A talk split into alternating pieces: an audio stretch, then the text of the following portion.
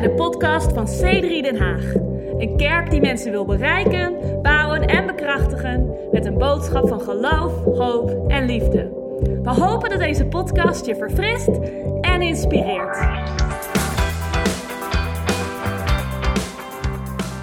Laten we lezen van 2 Korintiërs, uh, hoofdstuk 1, uh, vers 3.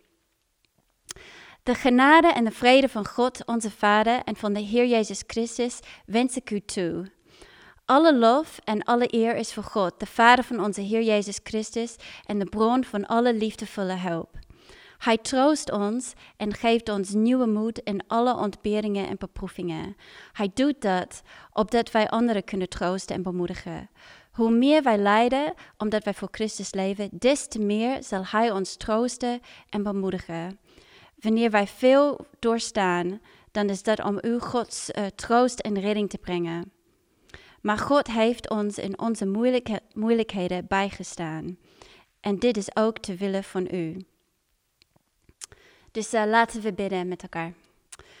Vader God, ik dank u dat u een God bent van troost. U bent een God die ons helpt om door moeilijke dingen heen te gaan. En uh, ik bid dat u tot ons zal spreken vanochtend. Dat uh, als we kijken naar uw woord, dat uh, we zullen leren en dat, u ons, dat, dat we steeds zullen veranderen om meer op u te lijken. Dus ik dank u ervoor in Jezus' naam. Amen. Nou, wij hebben in onze tuin, in onze voortuin, een kleine heg. Uh, dat is uh, tussen ons voortuin en de tuin van de buren. En uh, ik weet niet of je herinnert, maar een paar weken geleden, misschien klinkt het als heel lang geleden, hadden we natuurlijk best een grote storm in Nederland. Het was code geel, geloof ik. En voor een aantal dagen hadden we echt een hele harde wind. En uh, er was zelfs sprake van, kunnen we nog naar buiten gaan? Um, ja, het ging echt een aantal dagen door, dat harde wind. Maar ik weet nog, in onze tuin, dus we hebben de heg. En net voor de heg hebben we een soort houten stelling... waar we al onze hardhouten in opstapelen. Zo'n twee meter breed, twee meter hoog, een open stelling. Maar daar kun je echt echt best een ton, volgens mij, hardhout in uh, stoppen. Of een ton, nou, ik weet niet precies. Maar gewoon best wel veel hardhout in doen. En uh, toen de storm kwam, was het gelukkig uh, niet helemaal vol, een beetje laag. Maar ik weet nog, ik stond op op een ochtend en ik ging naar buiten, net na de, de grote storm. En die hele houtstelling was gewoon plat omgewaaid bovenop onze heg. Nou, onze heg is zo'n 1,40 meter hoog. We hebben het gewoon een paar jaar geleden geplant. En uh, die heg was gewoon helemaal plat onder de houtstelling. Er waren slechts een paar zielige blaadjes die een beetje van onder, onder dat hout een beetje wapperden in de wind. Maar ik, ik keek naar dat hele grote stelling gewoon op de grond en ik dacht nou dat is het einde van mijn heg. Weet je, die, die planten, dat, dat, die kunnen dat niet overleven. Dat is gewoon kapot. Jammer, ik moet gewoon nieuwe planten gaan kopen, want uh, dit wordt hem niet. Dus riep Lucas, Lucas, je moet komen, je moet de stelling weer omhoog uh, gooien. Want het was zelfs zo zwaar, ik dacht, ja, dat kan ik niet zelf doen. En uh, tot mijn grote verbazing, toen hij dat houtstelling weer omhoog bracht, al die planten, die hegplanten, die gingen gewoon wup, in één keer omhoog. En nou, ik keek echt zo verbaasd van hoe kan dat? Hoe kan dat dat die planten, die waren echt gewoon plat op de grond, in één keer weer omhoog kwamen. En uh, ik was aan de ene kant verbaasd over hoe sterk de planten waren. Want uh, weet je, de wortels die bleven gewoon in de grond. En die, die um, hoe noem je dat, die takken, die, waren, die hadden nog hun vorm, die waren niet afgebroken. Maar ik was ook vooral verbaasd over hoe uh, flexibel ze waren. Dat ze toch gewoon meegingen met de houten stelling, met hun nieuwe omstandigheid. En uh, toch weer een weg omhoog uh, wist te vinden daarna. En dacht, wauw, hoe goed zou dat zijn als je zelf uh, zo kan zijn in een, in een storm, zeg maar. Dat je sterk genoeg bent om het te overleven, maar ook flexibel bent, dat je niet breekt, maar dat je toch meegaat en dan weer omhoog gaat. Ik dacht, wauw, zo, zo wil ik zijn. En ik hou van de apostel Paulus, want uh, als er iemand is die weet hoe je een storm overleeft, dan is hij dat. Ik bedoel, die man die had zoveel meegemaakt. En een van mijn favoriete teksten in 2 Corinthians is eigenlijk uh, iets later in hoofdstuk 11. Dan, uh, dan schept hij een klein beetje op. Dat weet hij ook. Dan zegt hij, ja, moet het eigenlijk niet doen. Maar dan vertelt hij, zit hij allemaal op een rij, wat hij allemaal heeft meegemaakt. En je zult niet geloven, soms, soms lees ik het als ik gewoon een beetje perspectief nodig heb in mijn leven. Dus ik ga dit even voorlezen voor jullie. Dit is 2 Korintiërs uh, hoofdstuk 11, vers 23. Dan zegt hij, werken zij voor Christus? Ik ben natuurlijk niet wijs dat ik dit zeg, maar ik heb veel harder gewerkt dan zij. En zo kan ik wel doorgaan. Ik heb veel vaker in de gevangenis gezeten. Ik ben ettelijke keren afgeranseld. Ik heb meermalen oog in oog met de dood gestaan. Ik heb van de Joden vijf keer de beruchte 40 min 1 zweepslagen gehad. Ik ben drie keer met stokken geslagen en in één keer met stenen bekogeld. Ik heb drie keer schipbreuk geleden. Ik heb eens een nacht en een dag op open zee rondgedobberd. Ik heb veel gereisd, waarbij ik vaak gevaar liep door overstromingen, rovers, aanvallen van mijn eigen volk en van anderen. En altijd dreigde er gevaar. Nou, weet je, ik kan zo doorlezen, maar volgens mij krijg je wel gewoon het plaatje. Je snapt, uh, je snapt uh, wat, een beetje van wat hij heeft meegemaakt. Dus als er iemand is in de Bijbel die weet, hey, hoe overleef je een storm, dan is hij dit, vind ik. Dus we kunnen iets uh, van hem leren over hoe kunnen we dit zelf doen in deze tijd van zoveel veranderingen. Dus het eerste wat ik eruit wil halen, en natuurlijk, dit is niet ja, je kunt hier uren over praten, maar ik wil vanochtend gewoon drie dingen uh, even eruit plukken voor ons, wat ons kunnen helpen. Uh, en de allereerste is uh, als we lezen helemaal in het begin. Hij zegt, ik ben nu weer bij hoofdstuk 1. De genade en de vrede van God onze Vader en van de Heer Jezus Christus wens ik u toe. Alle eer en lof is voor God, de Vader van onze Heer Jezus Christus en de bron van alle liefdevolle hulp. Hij troost ons en geeft ons nieuwe moed in alle ontberingen en beproevingen. En dan, hij gaat verder, en ik weet niet of je nog herinnert van toen ik deze tekst uh, las, gewoon helemaal in het begin. Maar hij noemt het woord troost ongeveer vijf keer in vier teksten en nog verder in de hele hoofdstuk. Hij kan gewoon niet weg van dat woord troost. En je ziet heel duidelijk dat uh, Paulus, hij had echt een openbaring van de troost van God. Uh, hij had het heel duidelijk zelf meegemaakt dat God hem had getroost.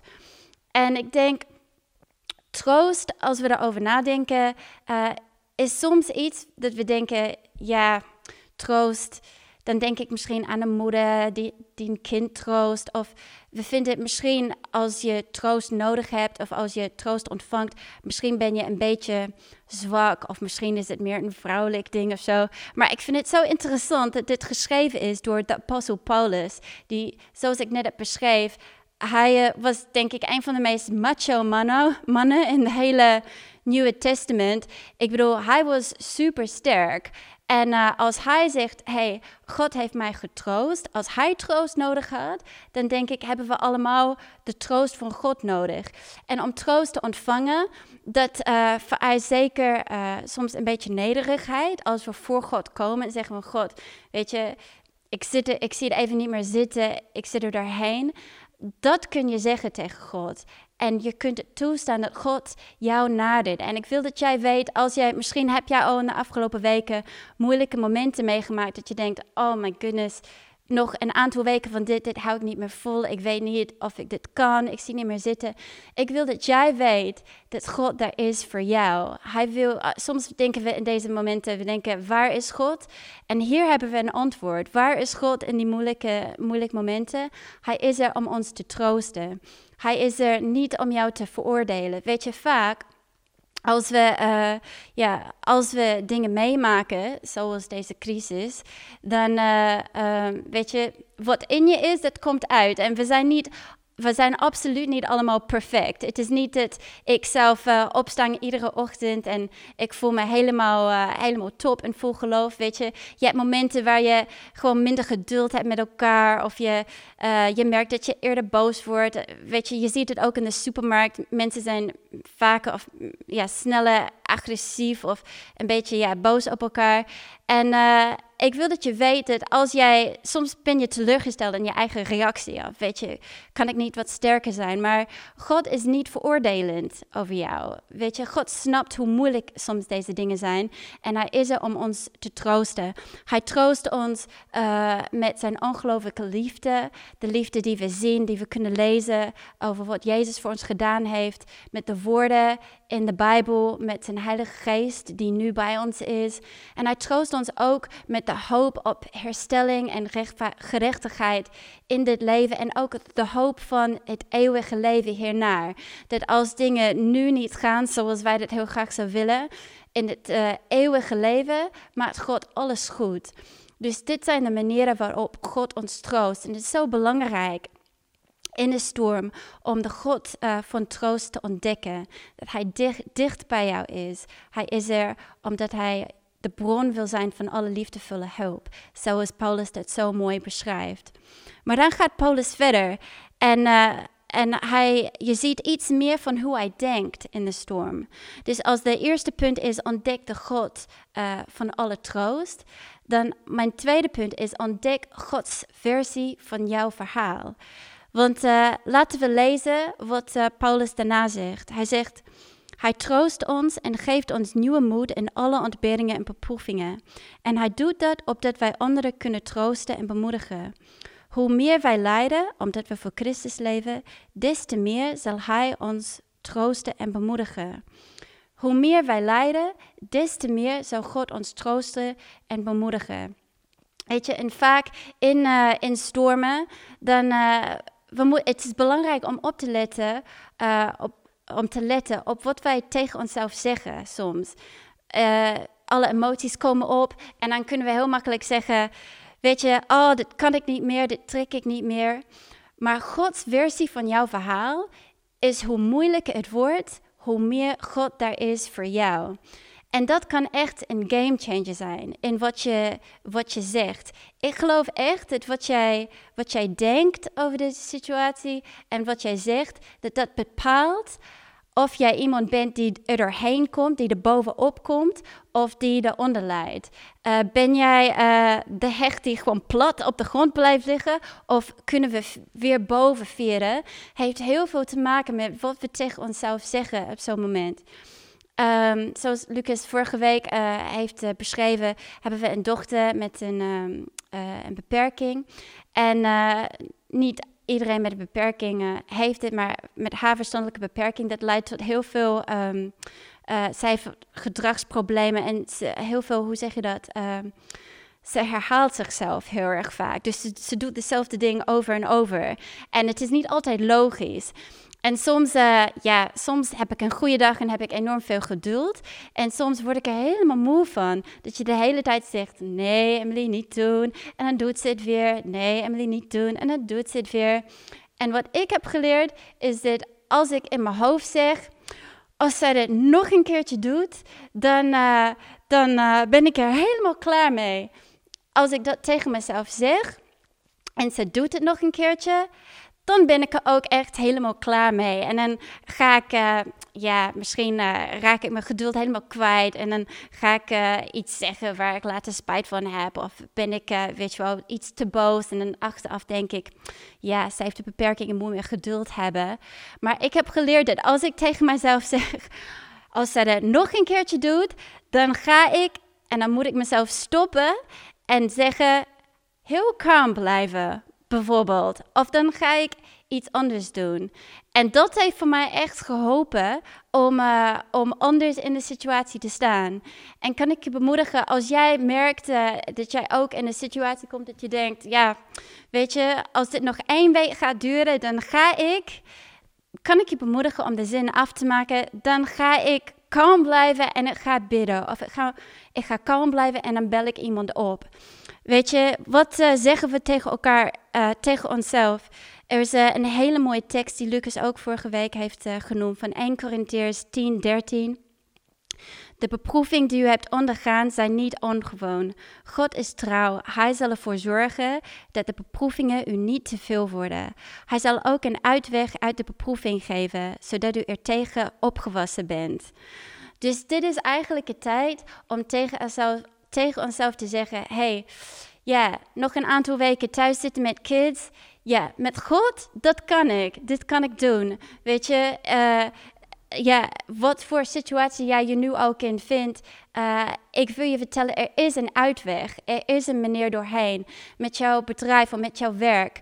Uh, God heeft uh, een uitweg voor jou. Hij kan jou de kracht geven om er doorheen te komen. En ik geloof dat als wij die, die teksten pakken, die zeggen, ja, met God, jij bent hiervoor gemaakt. Hij, heeft, hij wist al toen je geboren was dat jij hier doorheen zou komen. Hij heeft jou de kracht gegeven om, om te weten wat jij nu moet doen. Jij bent erop voorbereid. Jij wist niet dat deze situatie zou komen, maar God wist het wel. En Hij heeft in jou de kracht gelegd om hier overheen te stappen. Hij heeft de juiste mensen om je heen gezet om jou te helpen door deze periode.